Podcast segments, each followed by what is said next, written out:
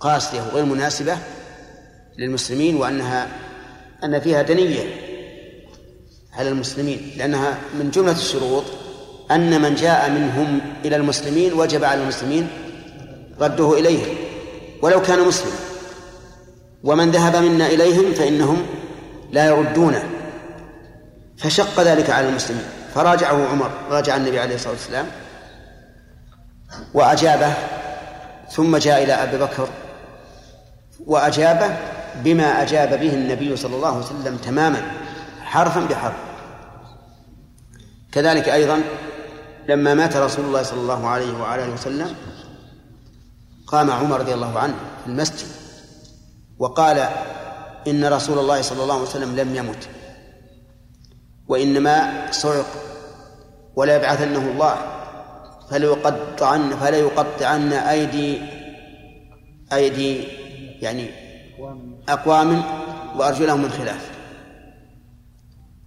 حتى جاء أبو بكر وهو أعظم مصابة من عمر ودخل البيت وعرف أن النبي صلى الله عليه وسلم مات. ثم خرج إلى الناس ووجد عمر رضي الله عنه بينهم كالجمل يهدي. فقال له على رسلك تمهل. ثم صعد المنبر وخطبهم الخطبة المشهورة البليغة. قال أما بعد فمن كان يعبد محمدا فإن محمدا قد مات. ومن كان يعبد الله فإن الله حي لا يموت. ثم قرأ وما محمد إلا رسول قد خلت من قبله الرسل. أفإن مات أو قتل انقلبتم على أعقابكم ومن ينقلب على عقبيه فلن يضر الله شيئا. يقول عمر فعرفت أنه قد مات فما استطعت أن أقف. عجزت عقرت حتى لا تحملني رجلاي هذا هذا مقام آخر. الثالث مقام أبي بكر في قتال أهل الردة. تعلمون أن الرسول عليه الصلاة والسلام بل قبله مقام أبي بكر في تنفيذ جيش أسامة. أسامة بن زيد الذي قتل والده في غزوة مؤتة. جهز النبي صلى الله عليه وسلم جيشا إلى قتال الروم. وأمر عليهم أسامة بن زيد مع أنه صغير السن. لكن نظرا إلى أن أباه هو الذي قتل كان في ذلك جبر لخاطره. كما فعل الرسول عليه الصلاة والسلام في قيس بن سعد بن عبادة. عام الفتح فتح مكة لما قال سعد رضي الله عنه اليوم تستحل الكعبة. فقال الرسول عليه الصلاة والسلام كذب سعد. اليوم تعظم الكعبة. لأنه يحتلها من؟ المسلمون أصحابها أولى الناس بها. وكان معه الراية فعزله أخذ الراية منه وأعطاها ابنه قيس يعني لم يبعدها عنه كثيرا. وهذا من حكمة النبي صلى الله عليه وسلم. المهم أنه آه، نفذ الجيش بقيادة أسامة بن زيد وكان ظاهر المدينة فلما ثقل المرض برسول الله صلى الله عليه وسلم توقف الجيش. لما مات عزم أبو بكر رضي الله عنه أن ينفذ الجيش.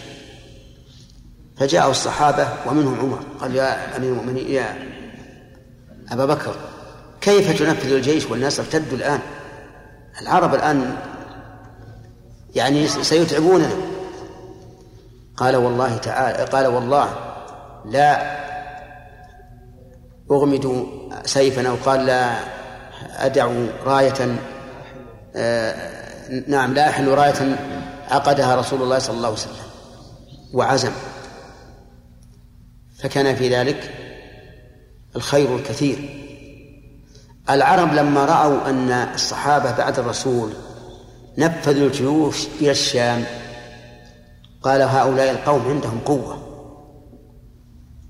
فخافوا وحذروا من المخالفة. فكان هذا العمل نائبا من المقاتلة. أما المسألة الرابعة فهي هذه. حيث إن أبا بكر عزم على أن يقاتل الذين منعوا الزكاة. فراجعه عمر في هذا ولكنه أقسم أن يقاتل من فرق بين الصلاة والزكاة. فقاتلهم وحصل لله الحمد الخير كثير ورجع كثير منهم إلى الإسلام. والشاهد من هذا الحديث قوله أمرت أن أقاتل الناس حتى يقولوا لا إله إلا الله. فمن قال لا إله إلا الله فقد عصم مني ماله ونفسه إلا بحقه. يعني ما يكفي أن يقول لا إله إلا الله لكن لا إله إلا الله مفتاح العصمة. ثم إن قام بحق الإسلام فهو هو وإن لم يقم بحق الإسلام عومل بما يقتضيه ما تقتضيه هذه المخالفة. نعم. نعم يا سليم. رضي الله عنه عظم الزكاة الصلاة والزكاة على يوم في الحديث السابق على ما سواه من أركان الإسلام. هل لها وجه في ذلك ولا ما في شك. الزكاة قرينة الصلاة في كتاب الله. ولهذا تجدها كثيرا في القرآن مقارنة للصلاة. فلم يفرق بينهم. نعم. ها؟ عندما قاتل منعي الزكاة هل يعتبر قتال قتال بغاة أو قتال خارجين عن الإمام أو قتال كفار؟ لا ليس ليس هذا قتال كفار إلا من أنكر وجوبها فيقاتل مقاتل الكفر الذي امتنع عن أداء الزكاة هل يجبر عليها أو يقاتل؟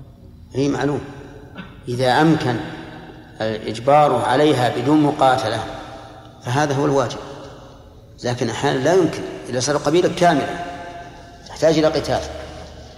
أما إذا كان واحدا أو اثنين فهذا يمكن أن يجبر عليها والصحيح أنه يجبر عليها ويؤخذ شطر ماله أيضا. كما في الحديث إن آخذوها وشطر ماله. وهذا الشطر قيل إنه كل المال إنه كل المال. يؤخذ نصف المال وقيل إنه شطر المال الذي منع زكاته.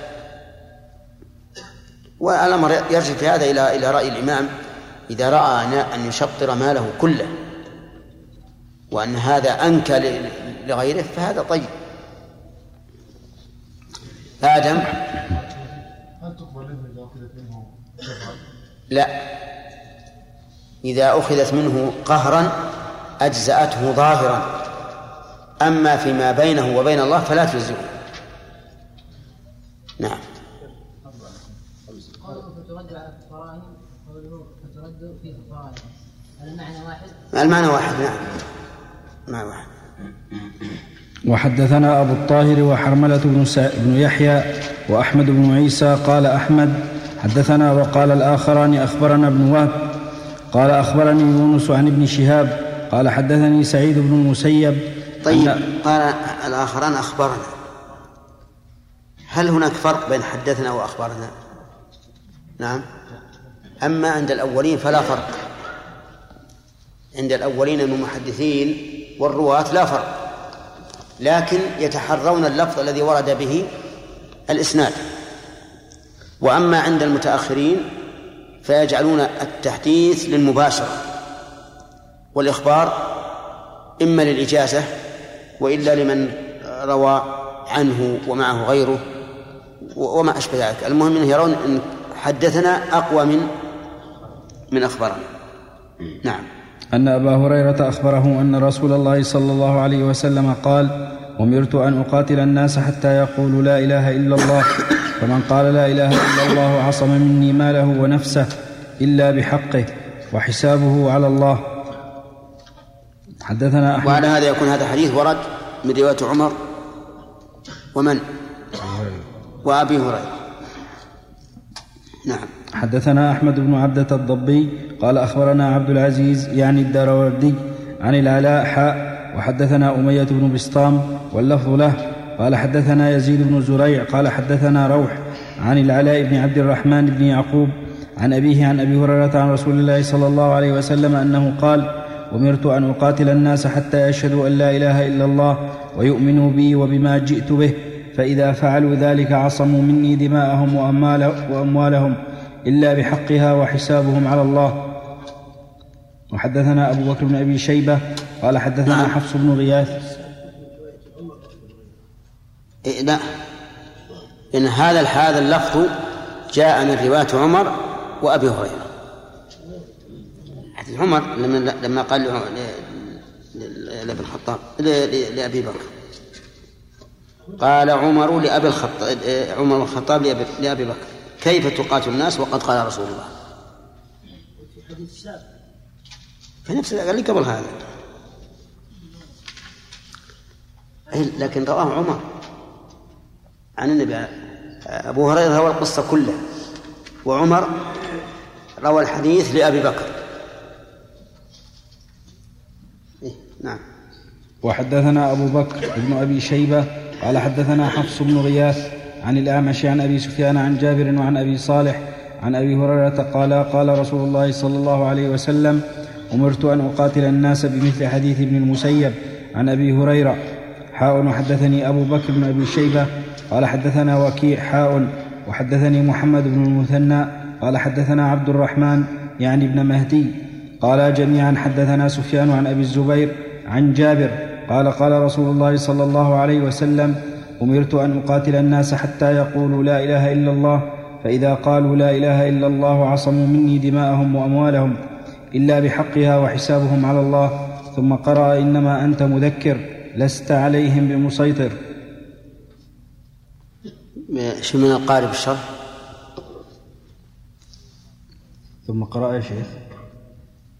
ثم قرأ؟ نعم. قوله ثم قرأ إنما أنت مذكر لست عليهم بمسيطر. قال المفسرون معناه إنما أنت واعظ. ولم يكن صلى الله عليه وسلم أمر إذ ذاك إلا. أمر إذ ذاك إلا بالتذكير ثم أمر ب... ثم أمر بعد بالقتال والمسيطر والمسيطر المسلط. وقيل الجبار وقيل الرب والله أعلم. وأعلم أن هذا الحديث بطرقه مشتمل. نعم. من يا شيخ. نعم امشي مشتمل على أنواع من العلوم وجمل, وجمل من القواعد. وأنا أشير إلى أطراف منها مختصرة ففيه أدل دليل على شجاعة أبي بكر رضي الله عنه. هذا من هذا النووي؟ نعم يا شيخ. ها؟ نعم. نعم. وتقدمه في الشجاعة والعلم على غيره فإنه ثبت للقتال في هذا الموطن العظيم الذي هو أكبر نعمة أنعم الله تعالى بها على المسلمين بعد رسول الله صلى الله عليه وسلم. واستنبط رضي الله عنه من العلم بدقيق نظره ورصانة فكره ما لم يشاركه في الابتداء به غيره فلهذا وغيره مما أكرمه الله تعالى به أجمع أهل الحق على أنه أفضل أمة على أنه أفضل أمة رسول الله صلى الله عليه وسلم. وقد صنف العلماء رضي الله عنهم في معرفة رجحانه أشياء كثيرة مشهورة في الأصول.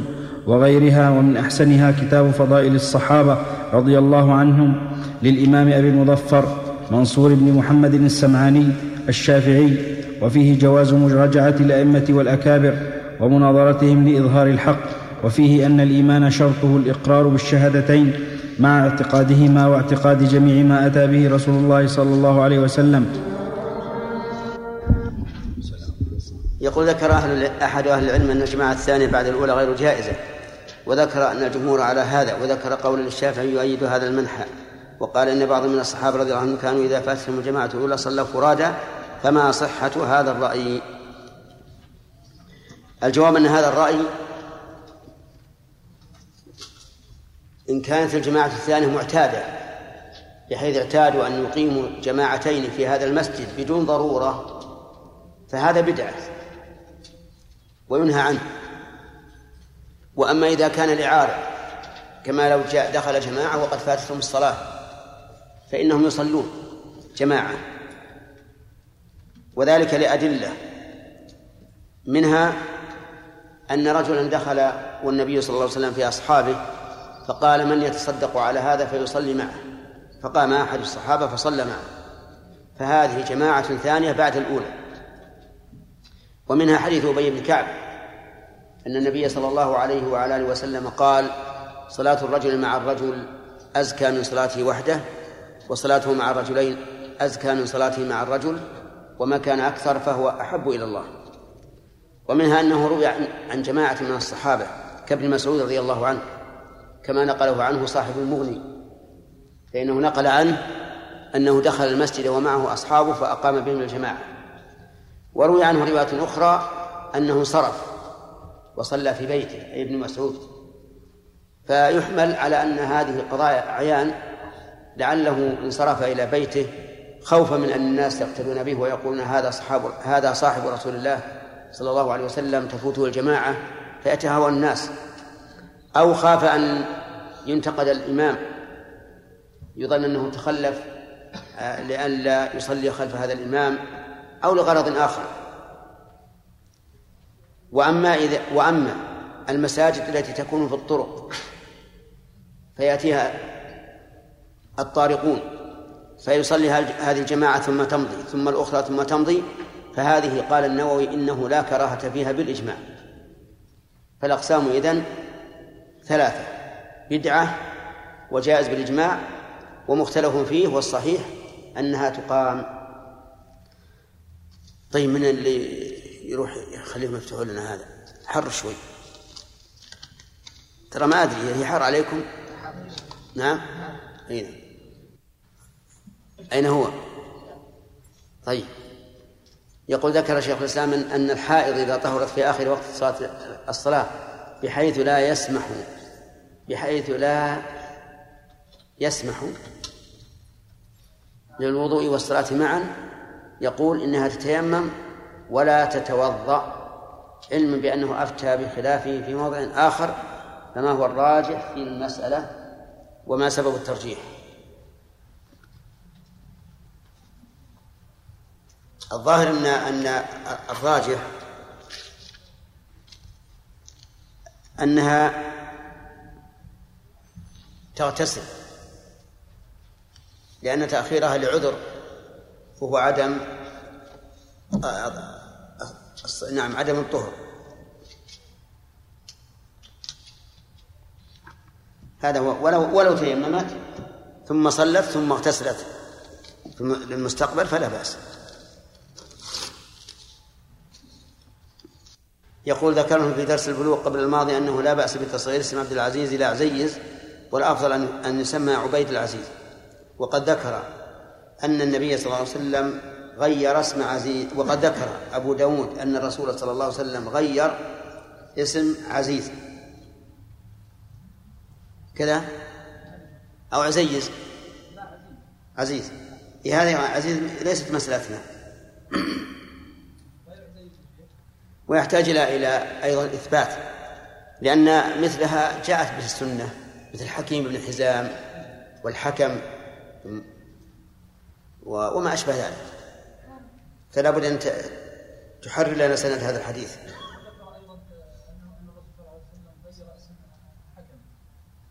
لا غير المعروف بل حكم. في نص الحديث راجع سنده حرر لنا. أما عزيز فهي تصل العامة يريدون بذلك تصغير المسمى للمضاف إليه.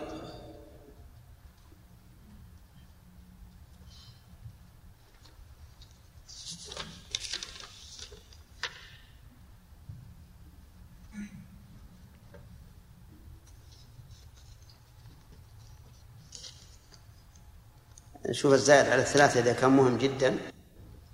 لا بسيط. نبدأ الدرس. بسم الله الرحمن الرحيم. الحمد لله رب العالمين وصلى الله وسلم على نبينا محمد وعلى آله وصحبه أجمعين. قال مسلم رحمه الله تعالى حدثنا أبو غسان المسمعي مالك بن عبد الواحد. قال حدثنا عبد الملك بن الصباح عن شعبة عن واقد بن محمد بن زيد بن عبد الله بن عمر عن أبيه عن عبد الله بن عمر أنه قال قال رسول الله صلى الله عليه وسلم أمرت أن أقاتل الناس حتى يشهدوا أن لا إله إلا الله وأن محمدا رسول الله ويقيموا الصلاة ويؤتوا الزكاة فإذا فعلوا عصموا مني دماءهم وأموالهم إلا بحقها. وحسابهم على الله. محدثنا سويد بن سعيد وابن أبي عمر قالا حدثنا مروان يعنيان الفزاري عن أبي مالك عن أبيه أنه قال سمعت رسول الله صلى الله عليه وسلم يقول من قال لا إله إلا الله وكفر بما يعبد من دون الله حرم ماله ودمه وحسابه على الله. وحدثنا أبو بكر ابن أبي شيبة قال حدثنا أبو خالد الأحمر حاء وحدثنيه زهير بن حرب قال حدثنا يزيد بن هارون كلاهما عن أبي مالك عن أبيه أنه سمع النبي صلى الله عليه وسلم يقول من وحد الله ثم ذكر بمثله بسم الله الرحمن الرحيم. هذا الحديث يدل على أنه لا يكفي أن يقول الإنسان لا إله إلا الله حتى يكفر بما يعبد من دون الله. ويؤيد هذا قوله تعالى فمن يكفر بالطاغوت ويؤمن بالله فقد استمسك بالعروة الوثقى.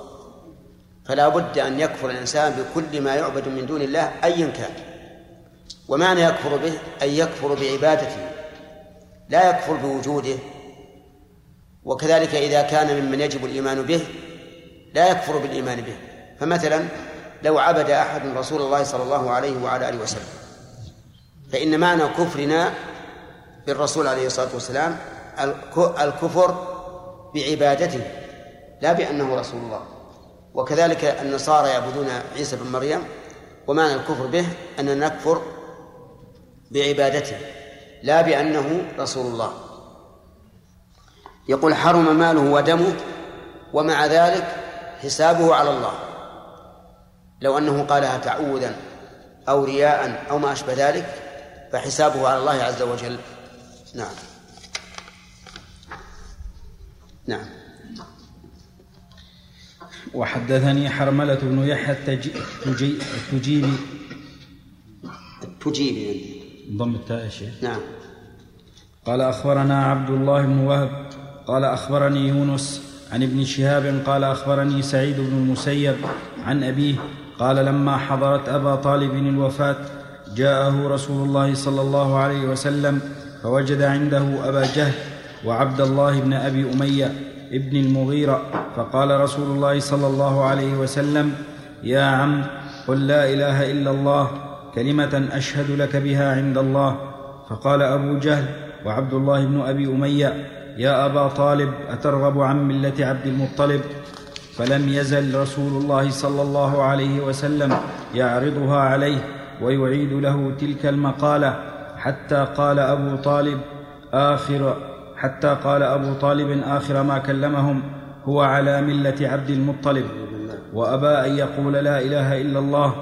فقال رسول الله صلى الله عليه وسلم أما والله لأستغفرن لك ما لم أنه عنك. فأنزل الله عز وجل ما كان للنبي ما كان للنبي والذين آمنوا أن يستغفروا للمشركين. ولو كانوا أولي قربى من بعد ما تبين لهم أنهم أصحاب الجحيم. وأنزل الله تعالى في أبي طالب فقال لرسول الله صلى الله عليه وسلم إنك لا تهدي من أحببت ولكن الله يهدي من يشاء وهو أعلم بالمهتدين. وحدثنا إسحاق بن إبراهيم وعبد بن حميد قال أخبرنا عبد الرزاق قال أخبرنا معمر حاء وحدثنا حسن الحلواني وعبد بن حميد قال حدثنا يعقوب وهو ابن إبراهيم ابن سعد قال حدثني أبي عن صالح كلاهما عن الزهري بهذا الإسناد مثله غير أن حديث صالح انتهى عند قوله فأنزل الله عز وجل فيه ولم يذكر الآيتين وقال في حديثه ويعودان في تلك المقالة وفي حديث معمر مكان هذه الكلمة فلم يزالا به حدثنا محمد بن عباد وابن أبي عمر قال حدثنا مروان عن يزيد وهو ابن كيسان عن أبي حازم عن أبي هريرة قال قال رسول الله صلى الله عليه وسلم لعمه عند الموت قل لا إله إلا الله أشهد لك بها يوم القيامة فأبى فأنزل الله إنك لا تهدي من أحببت الآية. حدثنا محمد بن حاتم بن ميمون قال حدثنا يحيى بن سعيد قال حدثنا يزيد بن كيسان عن أبي حازم الأشجعي عن أبي هريرة أنه قال قال رسول الله صلى الله عليه وسلم لعمه قل لا إله إلا الله أشهد لك بها يوم القيامة. قال لولا أن تعيرني قريش يقولون إنما حمله على ذلك الجزع لأقررت بها عينك. فأنزل الله إنك لا تهدي من أحببت ولكن الله من يهدي من يشاء. بسم الله هذا الحديث أولا الحديث الذي صدر به المؤلف رحمه الله هو حديث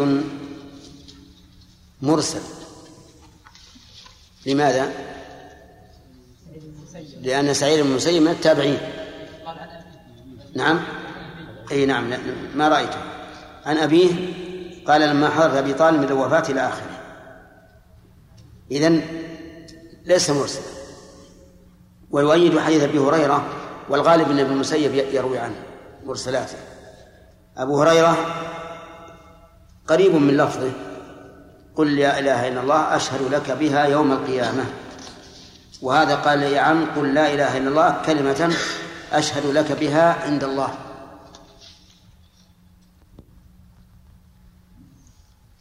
وفي هذا الحديث من الفوائد أن من ختم له بلا إله إلا الله فإنه يرجى أن يكون من أهل الجنة.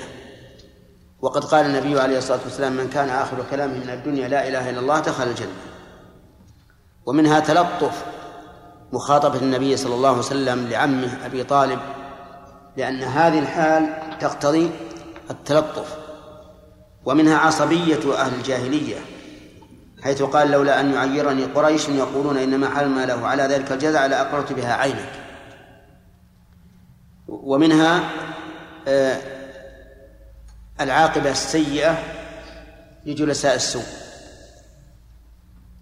فإن فإن عبد الله بن أمية وأبا جهل قال لأبي طالب أترغب عن ملة عبد المطلب؟ ومنها أن أبا طالب مات على الكفر خلافا لمن قال إنه مات على الإسلام وهو صريح في قوله أبى أن يقول لا إله إلا الله وفي قوله لا لولا أن أن يعيرني أو أن تعيرني قريش يقولون إنما حمله على ذلك الجزع لأقررت بها عينك. وقد أخبر النبي عليه الصلاة والسلام أنه شفع له عند الله وقبلت شفاعته في تخفيف العذاب عنه لا في إخراجه من النار. قال فكان في ضحضاح من نار وعليه نعلان يغلي منهما دماغه والعياذ بالله. نعلان من نار يغلي منهما دماغه. فما بالك بما دون بما دون الدماغ؟ إذا كان الدماغ وهو أبعد ما يكون عن القدمين يغلي فما بالك بما دونه؟ وإنما أذن الله له أن يشفع في عمه وهو كافر لأن عمه دافع عنه. مدافعة عظيمة وناضل وأثنى عليه. وقال لقد علموا أن ابننا لا مكذب لدينا ولا يعنى بقول الأباطل. وقال ولقد علمت بأن بأن دين محمد من خير أديان البرية دينا. لولا الملامة أو حذار مسبة لرأيتني سمحا بذاك مبينا. فمن أجل هذا كان من عدل الله عز وجل وحكمته أن يؤذن له بالشفاعة في بعض العذاب لا في كل العذاب. وهذا من حكمة الله سبحانه وتعالى. ومن عدله أنه أعطاه ما يستحق. ومنها أن أن القرآن الكريم نوعان سببي وغير سبب بمعنى أن بعضه نزل بسبب وبعضه نزل بغير سبب. فالآية لما قال الرسول صلى الله عليه وسلم لا أستغفرن لك ما لم أنهى عنك. قال الله تعالى ما كان للنبي والذين آمنوا أن يستغفروا للمشركين إلى آخره. وأنزل الله في أبي طالب إنك لا تهدي من أحببت. ومعنى قوله في أبي طالب أي في شأنه إنك الخطاب للرسول صلى الله عليه وعلى آله وسلم لا تهدي من أحببت. ومنها أن أن الله سبحانه وتعالى يتكلم بالقرآن حين إنزاله. وذلك لأن سبب النزول لا بد أن يتقدم على النزول إذ أن السبب يكون به المسبب فلا بد أن يتقدم على النزول. وإذا تقدم على النزول لزم أن يكون الله عز وجل يتكلم بالكلام بالقرآن حين إنزاله. وعلى هذا فيكون معنى قوله تعالى إنا أنزلناه في ليلة القدر إنا أنزلناه في ليلة مباركة معناه ابتدأنا إنزاله. لا أنزلناه كله. ومنها من فوائد هذا الحديث تحريم الاستغفار للمشركين. لأن هذا عدوان في الدعاء. إذ أن الاستغفار هو طلب المغفرة. والله تعالى لا يغفر أن يشرك به. فإذا سألت الله تعالى ما أخبر أنه لا يفعله فهذا عدوان في الدعاء. ولهذا ذكرنا فيما سبق أن العدوان في الدعاء يدور على أمرين أن يسأل ما لا يمكن شرعا أو يسأل ما لا يمكن قدرا. فهذا هذا هذا ضابط العدوان في الدعاء. ومن فوائد الآية الكريمة أن أحكام الله تعالى لا لا يفرق فيها بين القريب والبعيد. فكما لا تستغفر للمشرك البعيد منك فلا تستغفر للمشرك الذي هو قريب.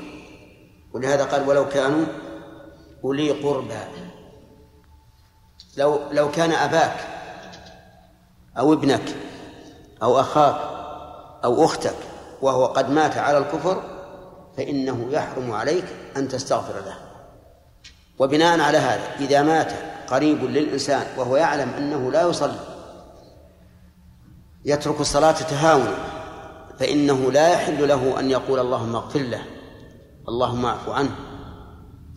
لأنه لا يجوز الاستغفار للمشركين لما فيه من العدوان في الدعاء.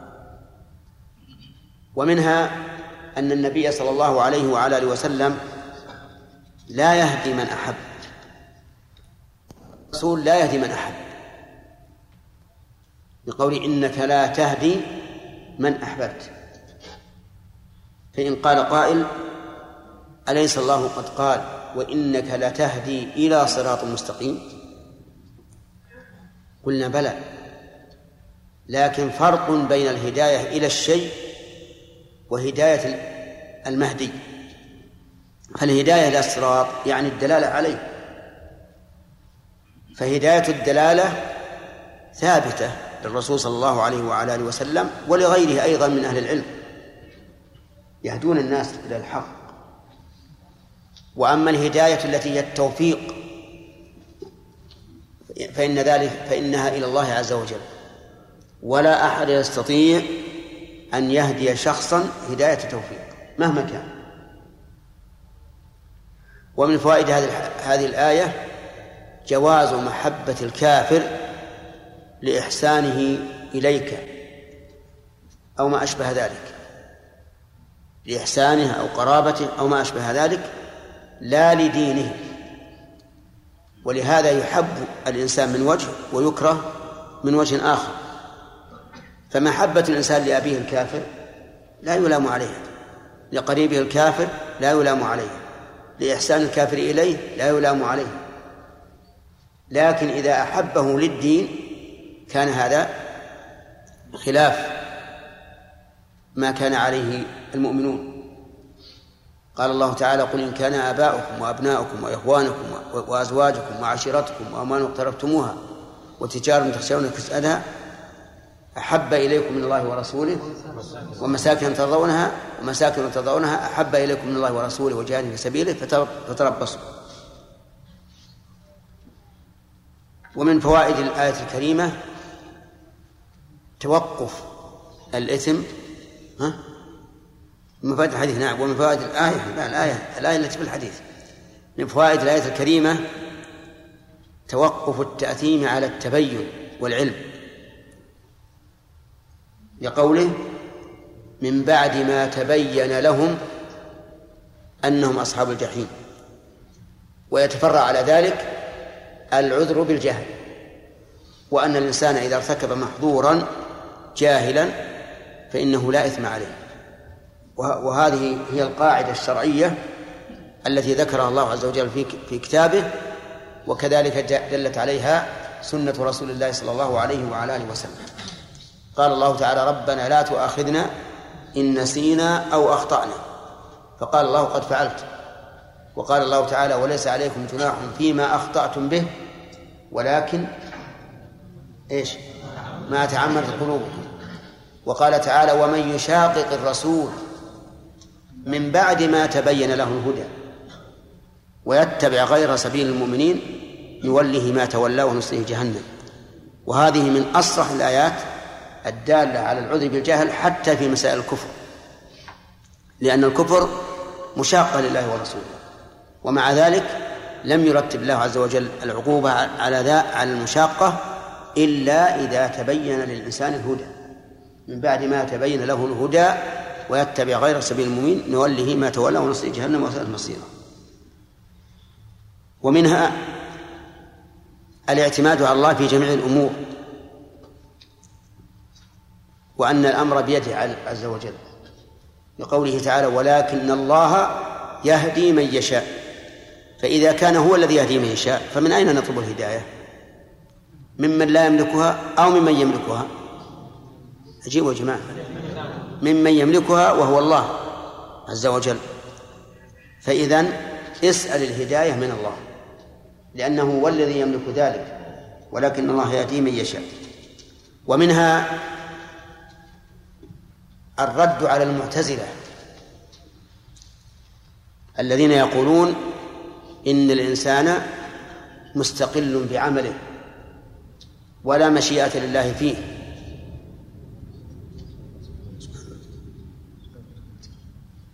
أليس كذلك؟ هم يقولون إن الإنسان مستقل بعمله. ليس لله فيه تعلق إطلاقا. غلاتهم يقولون إن الله لا يعلمه حتى يقع. والمقتصدون منهم يقولون إن الله يعلمه لكنه لا يشاءه ففي هذه الآية رد عليهم ولكن الله يهدي من يشاء. فإن قال قائل وهل هذه المشيئة مشيئة مجردة أو مقرونة بحكمة؟ الجواب الثاني ولا الأول؟ الثاني مقرونة بحكمة. ودليل ذلك قوله تبارك وتعالى وما تشاءون إلا نعم فمن شاء اتخذ إلى ربه سبيلا وما تشاءون إلا أن يشاء الله. إن الله كان عليما حكيما. فإذا علم أن هذا أهل للهداية هداه ويسر له الهدى ومن علم أنه بالعكس لم ييسر له ذلك. فإذا قال قائل كيف يعلم عز وجل أنه أهل للهداية؟ قلنا يعلم ذلك بعلمه القديم الذي هو موصوف به أزلا وأبدا. ثم ييسر هذا الإنسان للعمل الصالح. كما قال تعالى فمن أعطى فأما من أعطى واتقى وصدق بالحسنى فسنيسره لليسرى. وقال تعالى الله أعلم حيث يجعل رسالته. وقال تعالى فلما زاغوا أزاغ الله قلوبهم. إذن من علم الله أنه أهل الهداية هداه ووفقه وذلك لسلامة قلبه وصحة معتقده. ومن كان والعياذ بالله على خلاف ذلك فإن الله تعالى يضله. ومن فوائد الآية الكريمة الرد على من يقول إن الله تعالى لا يوصف باسم التفضيل. رحمك الله. لأن اسم التفضيل يقتضي المشاركة. من أين يؤخذ؟ وهو أعلم في المهتدين. يقولون في هذه الآية وأمثالها وهو عالم بالمهتدين. وأيهما أكمل أن يقال هو أعلم بالمهتدين أو هو عالم؟ أي الثاني. الأول. الذي هو أعلم. الأول الذي هو أعلم. لأن أعلم يدل على على التفضيل. وأنه أفضل أفضل العالمين بالعلم. لكن عالم لا يمنع المشاركة. زيد يقال زيد عالم وعمر عالم وخالد عالم. لكن إذا قلت زيد أعلم إيش يكون؟ يكون يفضلهم. يفضلهم في العلم. ثم إن هذا ثم إن اسم التفضيل الوارد في صفات الله لم يعلق بشيء ولم يقيد بشيء حتى يقال إنه يوهم النقص يعني ما قيل هو أعلم من كذا. اللهم إلا في مقام التحدي. بل يطلق فيقال الله أعلم. أما في مقام التحدي فقد يقا فقد يقارن بغيره. مثل قوله تعالى قل أأنتم أعلم أم الله؟ ومثل قوله تعالى قل آه الله خير أما يشركون. والمهم أن وصف الله تعالى باسم التفصيل باسم التفضيل لا محذور فيه إطلاقا. بل إن تحويل اسم المف... اسم التفضيل إلى اسم الفاعل يعتبر نقصا في التفسير. يقولون إن أنه إذا ورد في القرآن ما كان أو لم يكن فهو للممتنع شرعا أو قدرا. هو الممتنع شرعا أو قدرا. وكذلك ما ينبغي تكون للممتنع شرعا أو قدرا. وهي خلاف المعهود عند في عبارات العلماء. فالعلماء إذا قالوا لا ينبغي كذا أو ما ينبغي كذا ليس معناه أنه ممتنع بل إن الأفضل تركه. لكن وما ينبغي للرحمن أن يتخذ ولدا. هذا ممتنع. مستحيل. لا الشمس ينبغي لها أن تدرك القمر. نعم. إيش هذا؟ مستحيل أن تدرك القمر. وما علمناه الشعر وما ينبغي له. ممتنع شرعا أو قدرا؟ شرعا. فالمهم أن ما ينبغي ولا ينبغي وما كان أو لم يكن في القرآن تدل على الشيء الممتنع. إما شرعا وإما قدرا. طيب لم يكن الذين كفروا من أهل الكتاب والمشركين منفكين حتى تأتيهم البينة. هذا أيضا ممتنع قدرا يعني لأن الواقع هو في الواقع ولا قد ينفكون عن الشرك بدون بينة لكنهم لا يمكن أن ينفكوا إلا ببينة وهو إشارة إلى أن البينة قد أتتهم ولهذا قال وما تفرق الذين أوتوا الكتاب إلا من بعد ما جاءتهم البينة. نعم. هذا الحديث وفي نزول قوله تعالى ما كان النبي والذين آمنوا أن يستغفروا للمشركين. الايه وبين استئذان النبي صلى الله عليه وسلم ربه أن يستغفر لأمه. يستغفر إيش؟ يستغفر لأمه. نعم. نعم. آه، الإشكال في إيش؟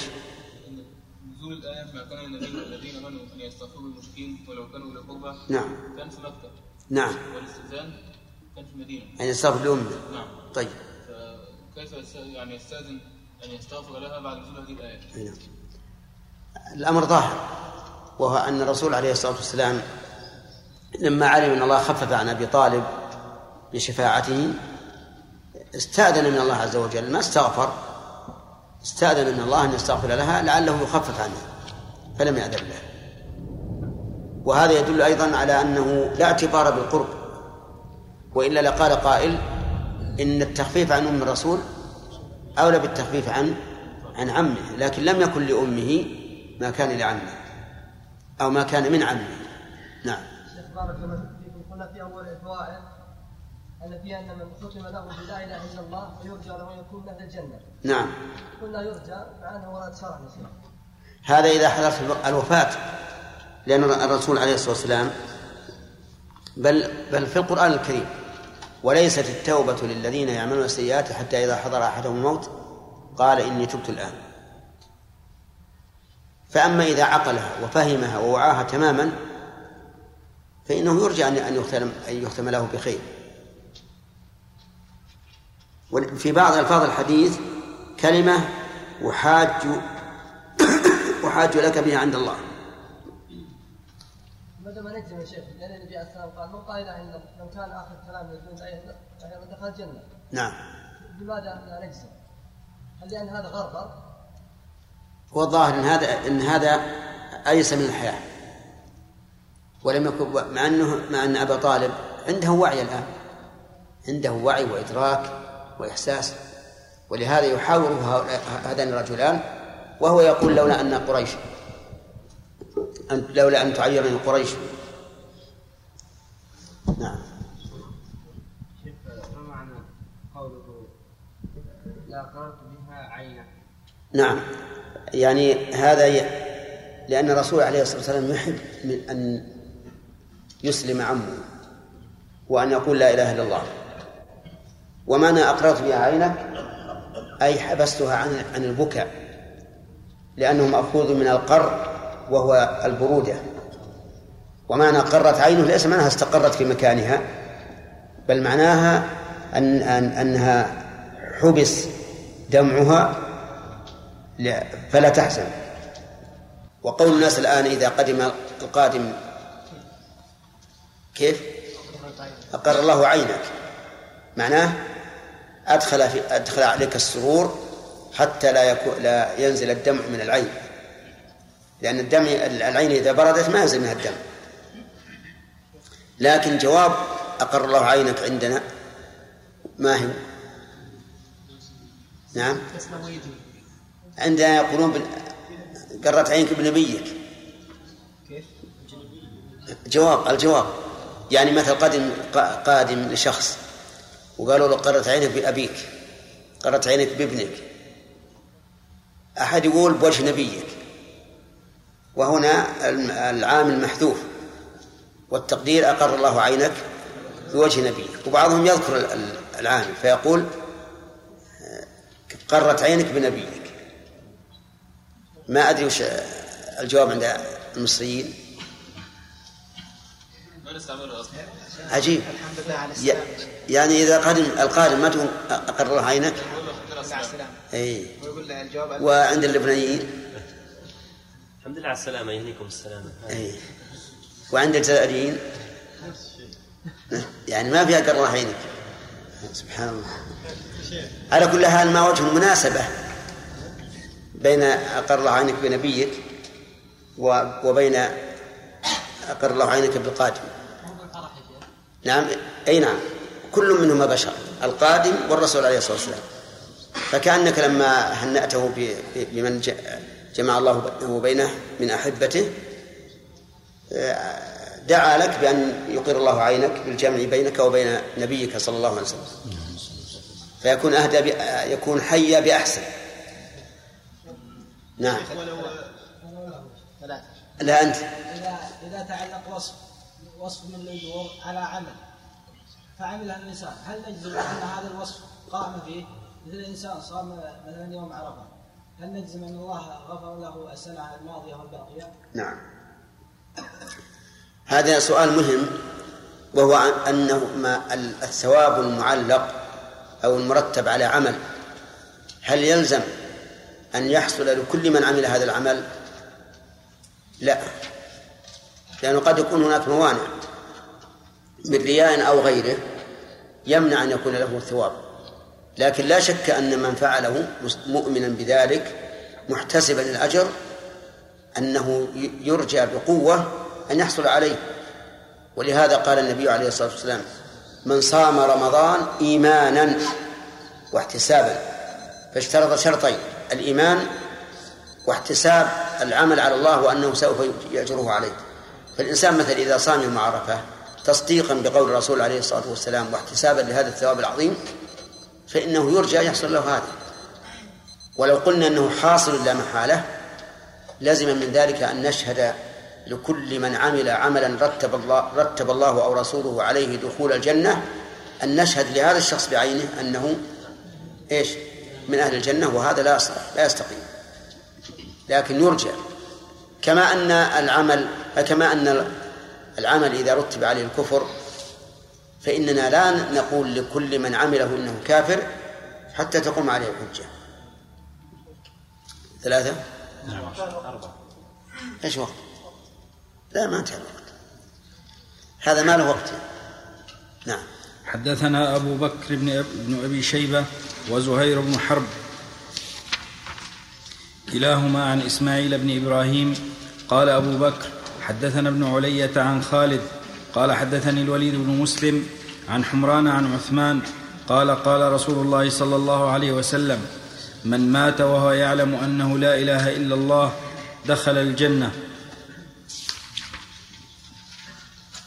حدثنا محمد بن أبي بكر المقدمي قال حدثنا بشر بن المفضل قال حدثنا خالد الحداء عن الوليد بن أبي بشر عن الوليد أبي بشر قال سمعت حمران يقول سمعت عثمان يقول سمعت رسول الله صلى الله عليه وسلم يقول مثله سواء.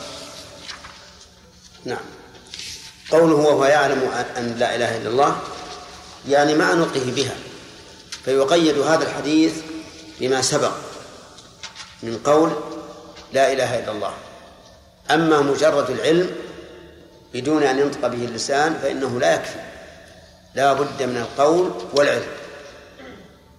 نعم. حدثنا أبو بكر بن النضر بن أبي النضر قال حدثني أبو النضر هاشم بن القاسم قال حدثنا عبيد الله الأشجعي عن مالك بن مغول عن طلحة بن مصرف عن أبي صالح عن أبي هريرة أنه قال كنا مع النبي صلى الله عليه وسلم في مسير. قال فنفدت أزواد القوم. قال حتى هم بنحر بعض حمائلهم.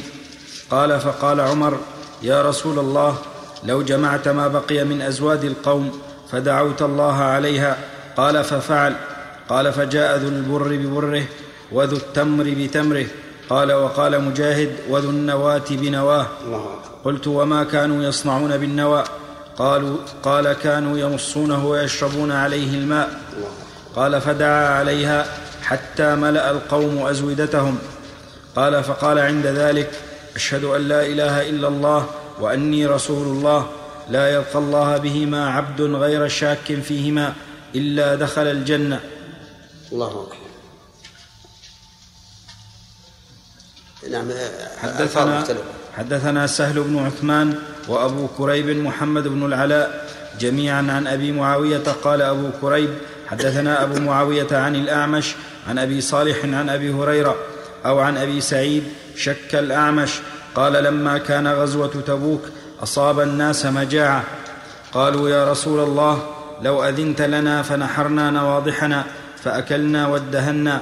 فقال رسول الله صلى الله عليه وسلم افعلوا. قال فجاء عمر فقال يا رسول الله إن فعلت قل, قل الظهر ولكن ادعهم بفضل أزوادهم ثم ادعوا الله لهم عليها بالبركة لعل الله أن يجعل في ذلك. فقال رسول الله صلى الله عليه وسلم نعم. قال فدعا بنطع فبسطه ثم دعا بفضل أزوادهم.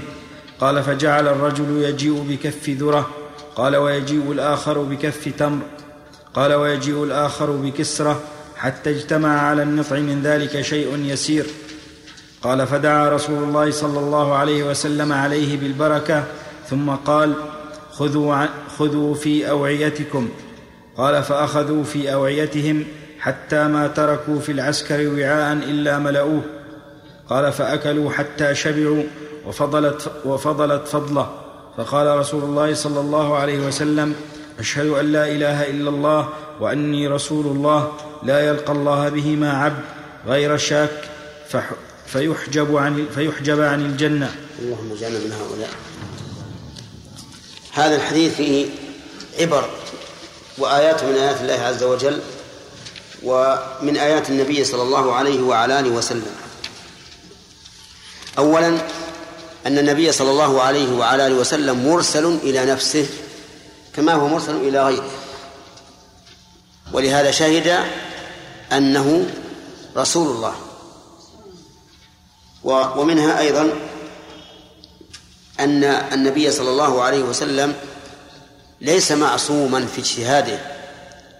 في غير الأمور الشرعية بدليل أنه أذن لهم أن ينحروا إبلهم ولكن عمر رضي الله عنه أشار عليه بخلاف ذلك. ومنها أنه قد يخفى على الأكابر ما لا يخفى على من دونهم. ومنها أنه ومنها حسن خلق النبي صلى الله عليه وعلى آله وسلم وتواضعه.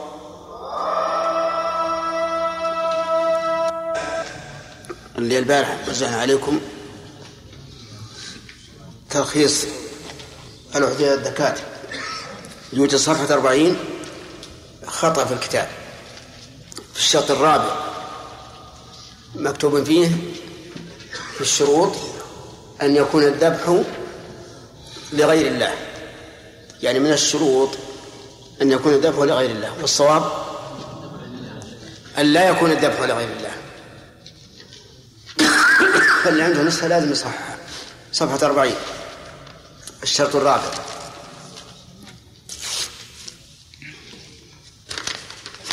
هذه يقول السياسة الشرعية خطأ وصواب.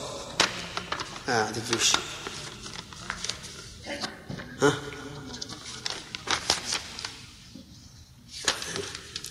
ما أنا ظنيت أن السجارة عندي ثلاثة الآن. وش سؤالك؟ وهو الإشكال في الحديث الإشكال في حديث ابن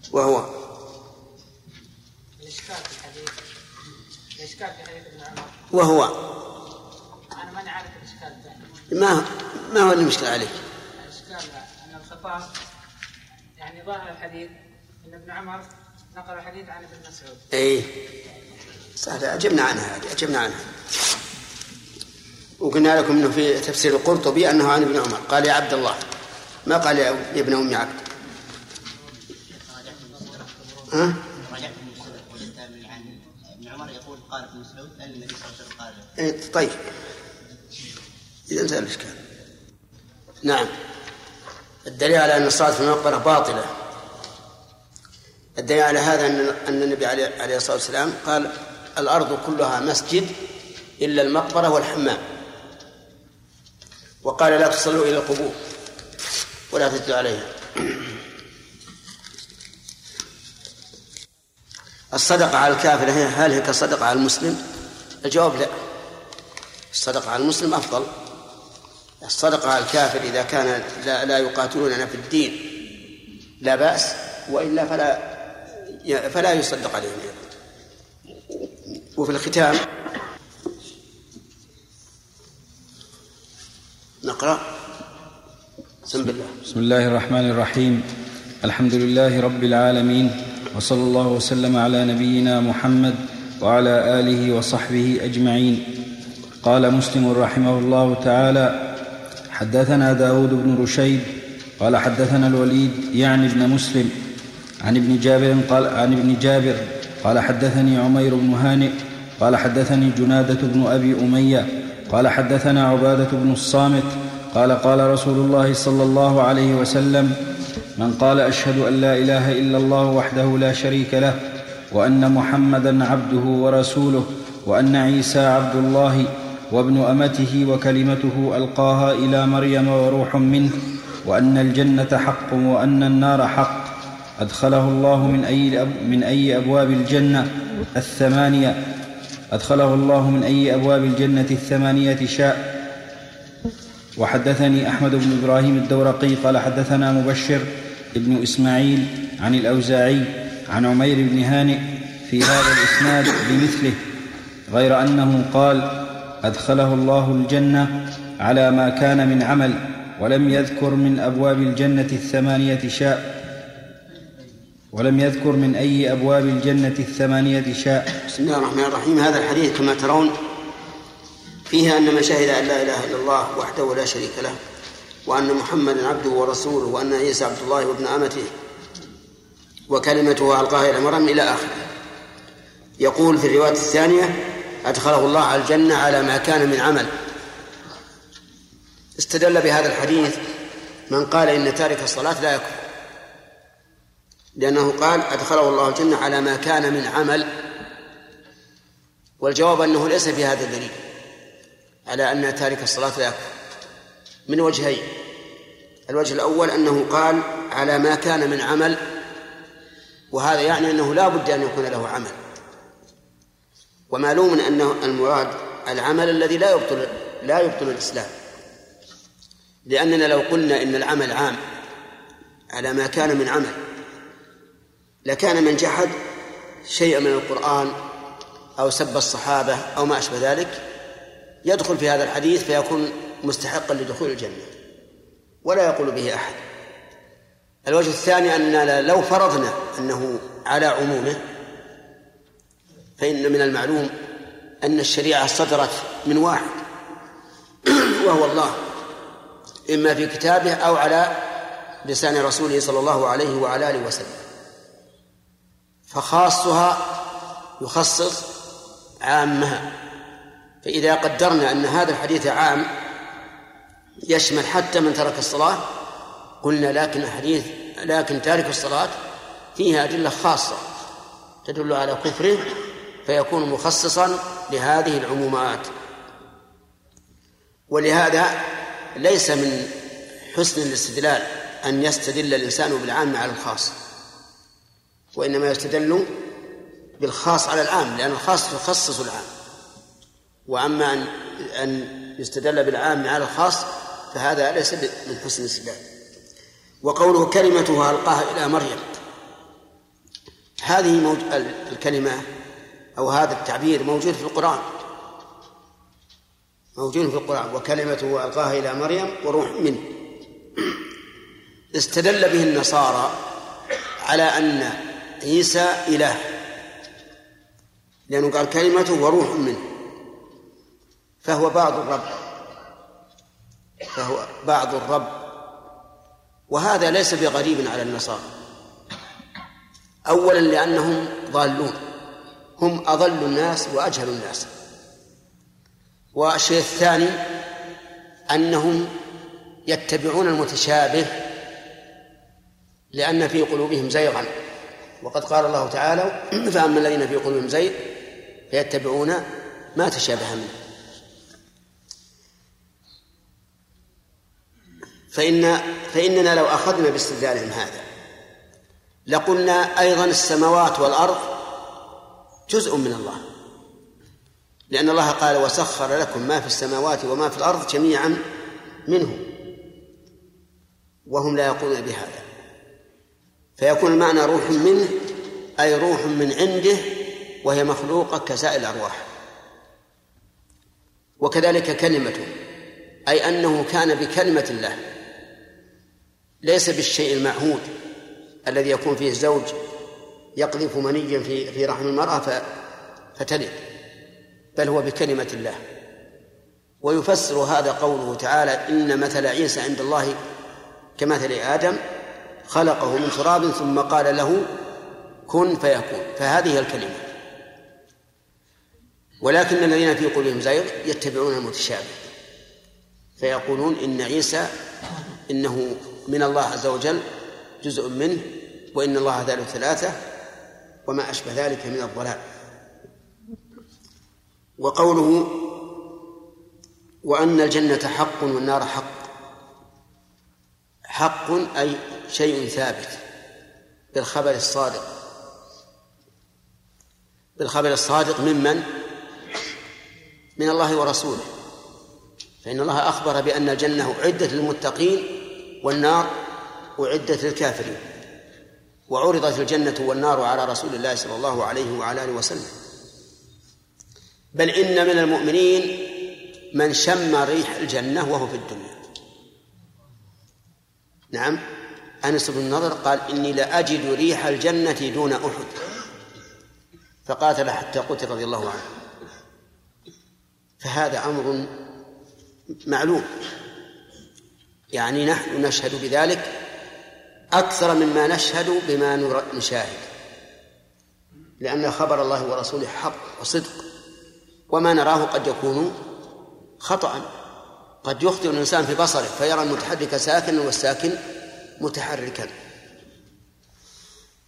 وفي هذا الحديث كما لا يخفى دليل على فضل الإخلاص بالشهادة شهادة أن لا إله إلا الله وأن محمد رسول الله. نعم.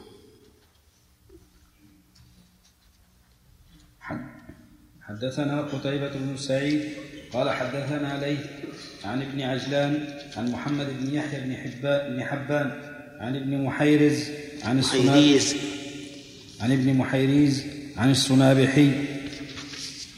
عن عبادة بن الصامت أنه قال دخلت عليه وهو هكذا يا شيخ. نعم. دخلت عليه وهو في الموت فبكيت فقال مهلا لم تبكي؟ فوالله لئن استشهدت لأشهدن لك ولئن شفعت لأشفعن لك ولئن استطعت لأنفعنك. ثم قال والله ما من حديث سمعته من رسول الله صلى الله عليه وسلم لكم فيه خير إلا حدثتكموه إلا حديثا واحدا وسوف أحدثكموه اليوم. وقد أحيط بنفسي سمعت رسول الله صلى الله عليه وسلم يقول من شهد أن لا إله إلا الله وأن محمدا رسول الله حرم الله عليه النار. التركيب الحديث فيه شيء من الركاكة في أوله عن الصنابحي عن عبادة بن الصامت أنه قال دخلت عليه. ظاهره أن أن الفاعل في قال يعود على عبادة. ولكنه يعود على الصنابحي دخل على عبادة وهو في سياق الموت. وفي هذا إشارة إلى أن عبادة بن الصامت رضي الله عنه حدد بهذا الحديث عند موته. وهذا كما فعل عثمان رضي الله عنه كما فعل كما فعل معاذ بن جبل رضي الله عنه حين حدثه النبي صلى الله عليه وعلى آله وسلم أنه من أن حق الله على العباد أن يعبدوه ولا يشركوا به شيئا. وحق العباد على الله أن لا يعذب من لا يشرك به شيئا.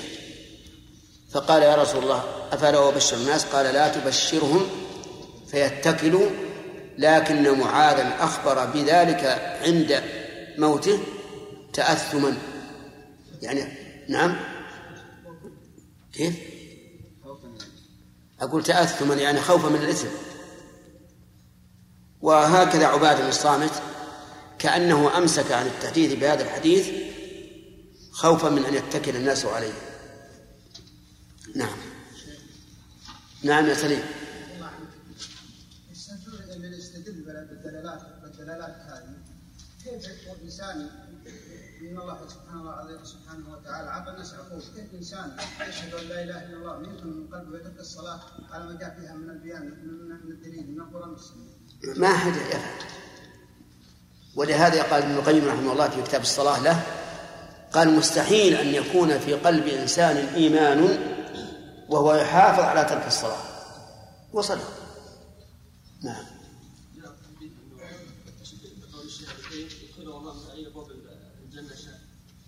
جاء في حديث اخر ان منها ما يختص بأهل الصلاة ومنها ما يختص بأهل الصيام. المراد والله أعلم ان الله ييسر له ييسر له الأعمال التي يدخل بها الجنة من أبوابها. قال النبي صلى الله عليه وسلم لمعاذ لا تخبر بها الناس فيتكلوا وأخبر بها معاذ هل تكون هذه من المخالفة؟ بيجينا أنا ما ظنيت أن المؤلف ذكر الحديث ذكره حدثنا هداب بن خالد الأزدي قال حدثنا همام قال حدثنا قتادة قال حدثنا أنس بن مالك عن معاذ بن جبل قال كنت ردف النبي صلى الله عليه وسلم ليس بيني وبينه إلا مؤخرة الرحل إلا مؤخرة الرحل فقال يا معاذ بن جبل فقلت لبيك رسول الله وسعديك ثم, ساعة ثم سار ساعة ثم قال يا معاذ بن جبل قلت لبيك رسول الله وسعديك ثم سار ساعة ثم قال يا معاذ بن جبل قلت لبيك رسول الله وسعديك قال هل تدري ما حق الله على العباد قال قلت الله ورسوله أعلم قال فإن حق الله على العباد أن يعبدوه ولا يشركوا به شيئا ثم سار ساعة ثم قال يا معاذ بن جبل قلت لبيك رسول الله وسعديك قال هل تدري ما حق العباد على الله إذا فعلوا ذلك قال قلت الله ورسوله أعلم قال الا يعذبهم.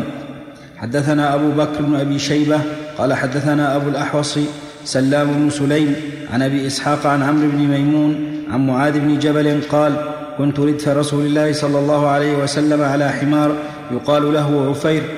قال فقال يا معاذ تدري ما حق الله على العباد وما حق العباد على الله؟ قال قلت الله ورسوله أعلم.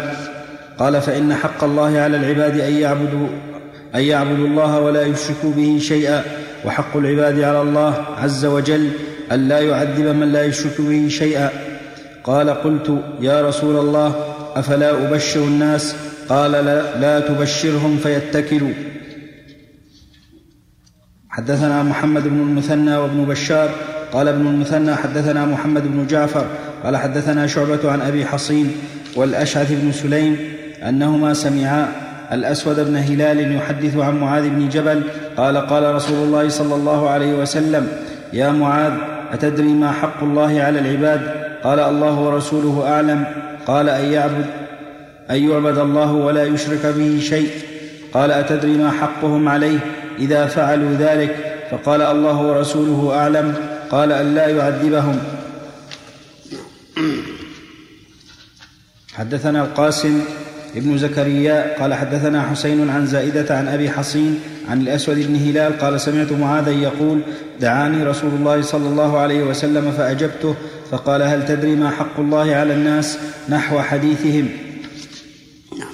دعاني يريد قوله يا معاذ أوفى أوفى السياقات هو السياق الأول الذي حدثه أنس وهو صحابي عن معاذ بن جبل؟ والبقية كلهم تابعيون الذين يحدثون عن معاذ. وكما سبق في مقدمة الكتاب أن مسلم رحمه الله يذكر يقدم الرواية التي تكون أقوى وأوثق.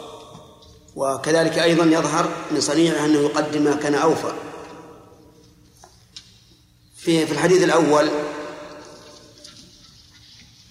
الإشارة إلى أنه ينبغي للملقي على غيره علما أن يسلك الطرق التي بها يتشوف المخاطب إلى العلم ويشتد شوقه إليه. وذلك أنه كان يقول يا معاذ ثم يسكت. يا معاذ ثم يسكت. يا معاذ ثم يسكت. من أجل إيش؟ التشويق. والاستعداد التام. ولهذا لو خطبك أنا وأقول يا فلان ثم اسكت ثم أقول يا فلان ثم اسكت ثم أقول يا فلان ثم اسكت وش تقول أنت؟ تقول علم وش عندك؟ تجد قلبك كدفر تشوقا إلى إلى ما عندك وهذه من أساليب من أساليب تنبيه الناس ومن الأساليب أيضا أن تتحدث ثم تسكت يعني سكوت غير عادي. لأنك إذا سكت يشرب الناس. وش اللي حصل؟ وش عنده؟ نعم؟ فهذه من الأساليب التي ينبغي للإنسان أن ينتبه لها. وفي قوله لبيك وسعديك لبيك ما معنى لبيك؟ قالوا معناها الإجابة. لكنه لا يراد بها لفظها الذي يدل على اثنين على مرتين فقط. بل هذا يدل على الكثرة. وهو وهو كثير في اللغة العربية. ومنه حديث حذيفة بن اليمان رضي الله عنه في صلاة النبي صلى الله عليه وسلم في الليل. قال ثم جلس يعني بعد السجدتين بعد السجدة فجعل يقول رب اغفر لي رب اغفر لي. ليس المعنى أنه ما قال إلا مرتين لكن معنى أنه يكررها. وهو يكررها تكرارا طويلا بحيث يكون جلوسه كمقدار إيش؟ كمقدار سجوده. لأن عادة النبي صلى الله عليه وسلم في صلاته أنها متناسبة. كما قال البراء بن عازب الركوع والقيام منه والسجود والجلوس كلها متقاربة. فكان يقول فكان حذيفة يحكي عنه أنه يقول رب اغفر لي رب اغفر لي. فالمعنى أنه يكرر هذا. ليس المراد أنه يقولها مرتين فقط. ومنه قوله تعالى فارجع البصر هل ترى من فطور. ثم ارجع البصر كرتين. هل المراد مرتين؟ لا. أكثر. مهما كررت مهما نظرت فإنك لن ترى فيها فطورا. طيب. إذا لبيك يعني مرتين. ها؟ كذا أكثر من مرتين؟ نعم أكثر من مرتين. سعديك. قالوا إن المراد بذلك إسعادا لك. إسعادا لك. يعني أرجو لك السعادة. وقال أو أن المعنى إسعادا أي مساندة وتقوية. لأن ترد بهذا وبهذا. وفيه إطلاق القول بالتشريك بالواو. الله ورسوله أعلم ولم ينكر عليه النبي عليه الصلاة والسلام. وأنكر على الرجل الذي قال ما شاء الله وشئت. والفرق ظاهر. في الأمور القدرية لا يشرك أحد مع الله لا الرسول ولا غيره. وما شاء الله وشئت تتعلق بالأمور إيش؟ القدرية. في الأمور الشرعية لا بأس أن تشرك مع الله رسوله لأنه لأنه يتكلم عن الله فهو رسوله وعنده من العلم ما أوحاه الله إليه. ولهذا قال الله تعالى ولو أنهم رضوا ما آتاهم الله ورسوله ولم يقل ثم رسوله لأن المقام مقام إتيان شرعي ما هو إتيان كوني لأن الله هو المعطي والرسول قاسم. ولهذا صح أن يقال ما أتاهم الله ورسوله. والشاهد من فضل الإخلاص هو قوله أن لا يعذب من لا يشرك به شيئا. فقال أفلا أبشر الناس؟ قال لا تبشرهم. فيتكلوا يتكلوا معطوفة على تبشرهم. أيها الصيبون ها؟ معطوفة على تبشرهم أو منصوبة بأن مضمرة بعد فاء السببية. الثاني. نعم. يعني فبسبب تبشيرك يتكل يعني ولا يعمل. نعم. والرسول عليه الصلاة والسلام خاف من ذلك لئلا يتوهم من لا من لا غور عنده في العلم هذا الوهم فيتكل. وإلا فإن قوله أن يعبد الله يقتضي عملا. لا بد من عمل عمل بإخلاص. لكن عامة الناس قد لا يكون عنده غور علم وتعمق فيظن أن المراد مطلق العبادة أن المراد مطلق العبادة ولو بشهادة أن لا إله إلا الله وأن محمد رسول الله. مع أن العبادة عمل. كل ما تتقرب الله به فهو عمل فهو عبادة. نعم.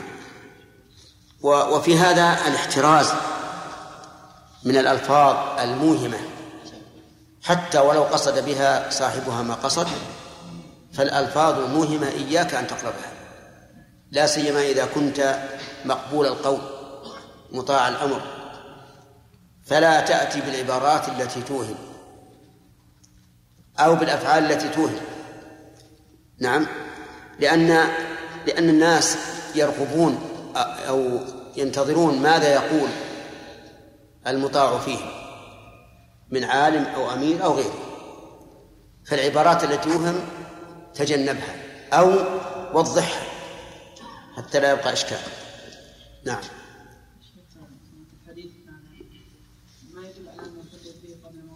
من؟ نعم. نعم.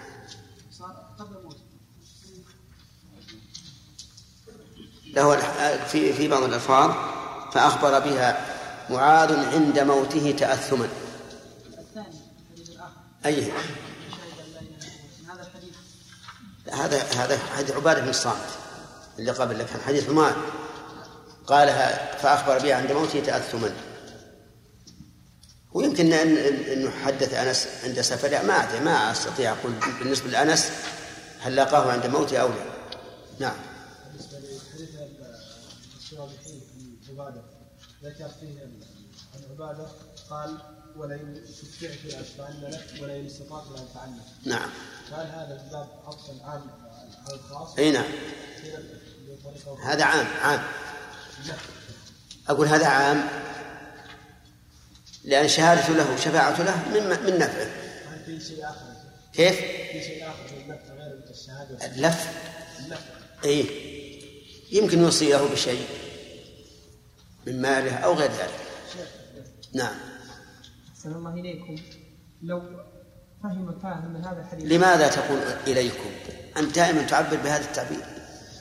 فأعطنا نكتة لهذا التعبير وإلا فأنا واحد. وخطاب الواحد بكاف الخطاب. معلوم أنا لا أقول بقول النصارى وأن لا مباشرة اشرك بي أنا ما يخالف.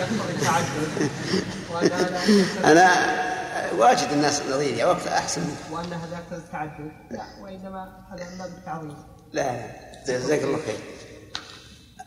طيب. أقول أحسن الله إليكم لو فهم سبحان الله.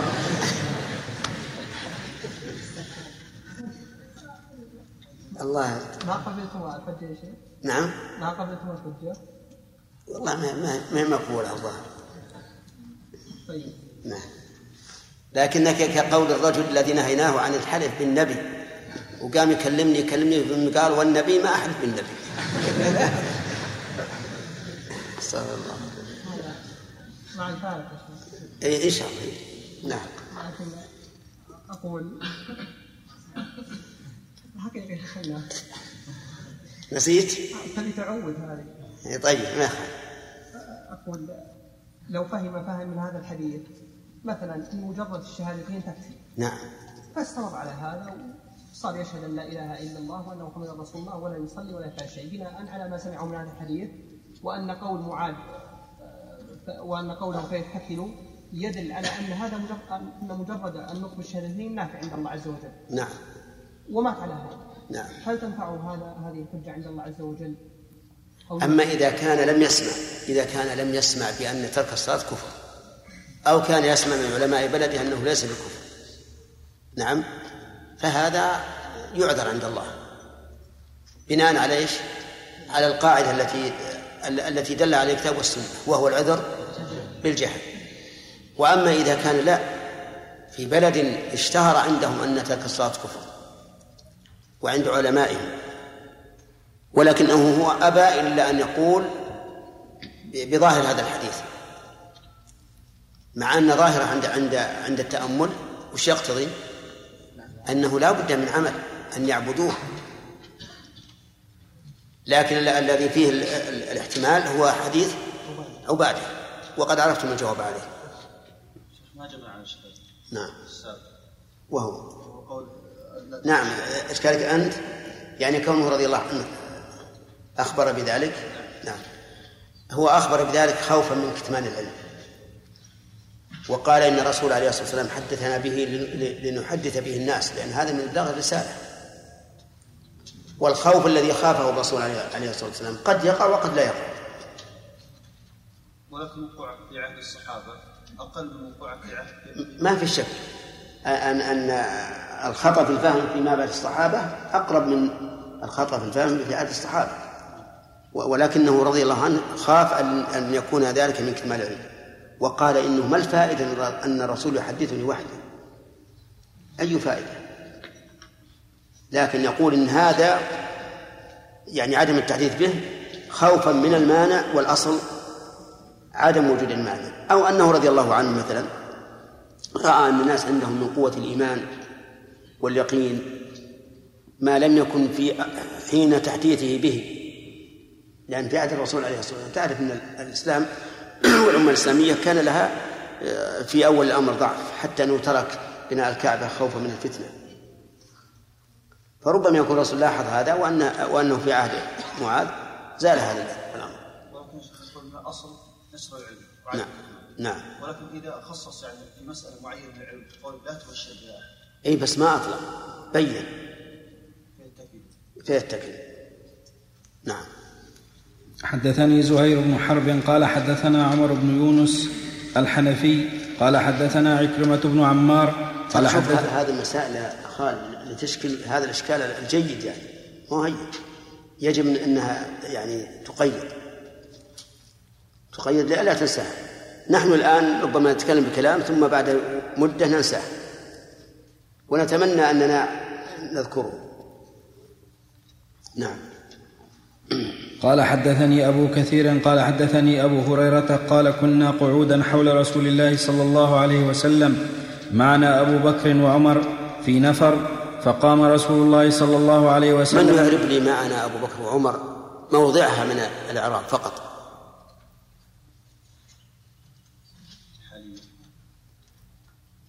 نعم. حال. إي نعم. حال لكنها حذفت منها الواو لأن الحال إذا كانت جملة اسمية يجوز فيها ذكر الواو وحذفها. نعم. نعم. فقام رسول الله صلى الله عليه وسلم من بين أظهرنا فأبطأ علينا وخشينا أن يقتطع دوننا وفزعنا. فقمنا فكنت أول من فزع فخرجت أبتغي رسول الله صلى الله عليه وسلم حتى أتيت حائطا للأنصار لبني النجار فدرت به هل أجد له بابا فلم أجد؟ فإذا ربيع يدخل في جوف حائط من بئر خارجة والربيع الجدول فاحتفزت كما وما هو الجدول؟ الساق الساق الواسع. نعم. فاحتفزت كما يحتفز الثعلب فدخلت على رسول الله صلى الله عليه وسلم فقال أبو هريرة فقلت نعم يا رسول الله قال ما شأنك؟ قلت كنت بين أظهرنا فقمت فأبطأت علينا فخشينا أن تقتطع دوننا ففزعنا فكنت أول من فزع فأتيت هذا الحائط فاحتفزت كما يحتفز الثعلب وهؤلاء الناس ورائي فقال يا أبا هريرة وأعطاني نعليه قال اذهب بنعلي هاتين فمن لقيت من وراء هذا الحائط يشهد أن لا إله إلا الله مستيقنا بها قلبه فبشره بالجنة فكان أول من لقيت عمر فقال ما هاتان النعلان يا أبا هريرة؟ فقلت هاتان نعلى رسول الله صلى الله عليه وسلم بعثني بهما. من لقيت يشهد أن لا إله إلا الله مستيقنا بها قلبه بشرته بالجنة. فضرب عمر بيده بين ثديي فخررت لإستي فقال ارجع يا أبا هريرة فخررت لستي فقال ارجع يا أبا هريرة. فرجعت إلى رسول الله صلى الله عليه وسلم فأجهشت بكاء وركبني عمر فإذا هو على أثري. فقال لي رسول الله صلى الله عليه وسلم ما لك يا أبا هريرة؟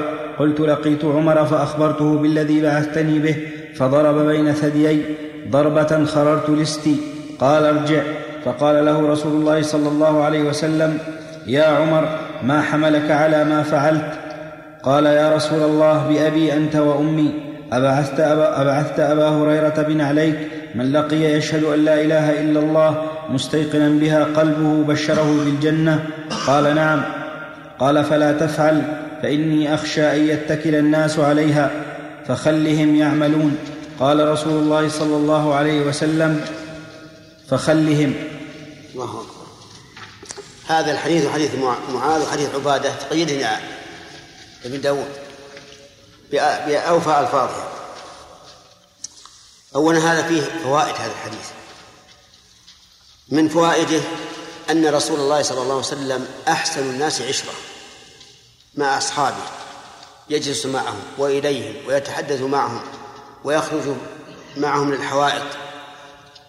لأنه عليه الصلاة والسلام أحسن الناس خلقا وأحسن الناس عشرة. ليس ممن يتخذ على بابه البوابين أو الحجابين بل هو صلى الله عليه وسلم دمث الأخلاق سهل لين. وثانيا شدة محبة الصحابة للنبي صلى الله عليه وعلى آله وسلم حيث فزعوا هذا الفزع لما أبطأ عليهم وظنوا أنه اقتطع دونه. يعني أخذ اختطف قتل فعل به ما منعه من الرجوع مبكرا ومن فوائد هذا الحديث أيضا فضيلة أبي هريرة حيث كان أول من فزع وربما لعله كان شابا أو شاب القوم في ذلك اليوم فكان أولهم فزعا. ومنها جواز دخول الإنسان البيت من غير بابه للحاجة. مع أن الله تعالى قال وأتوا البيوت من أبوابها. لكن هذه حاجة والصحابة فقدوا من؟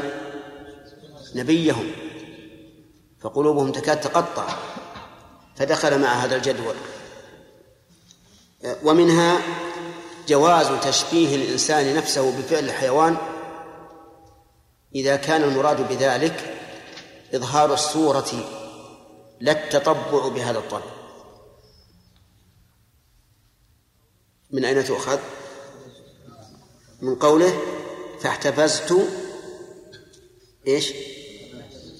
كما يحتفز الثعلب. ومن فوائدها من فوائد هذا الحديث إعطاء ما يكون به الإمارة بل بالعكس الأمارة. إعطاء الإنسان ما يكون به الأمارة يعني العلامة والدلالة على صدقه. من أين تؤخذ؟ من إعطاء النبي صلى الله عليه وسلم أبا هريرة نعليه. وقد فعل ذلك أيضا مرة أخرى على غير هذا الوجه. فعل ذلك حينما أرسل شخصا إلى وكيله في خيبر ليعطيه من التمر. فقال له إن طلبك آية إن طلب منك آية يعني علامة فضع يدك على ترقوته. أين الترقوة؟ هذه؟ أي نعم. كأن النبي صلى الله عليه وسلم أعطى وكيله في خيبر أعطاه هذه العلامة.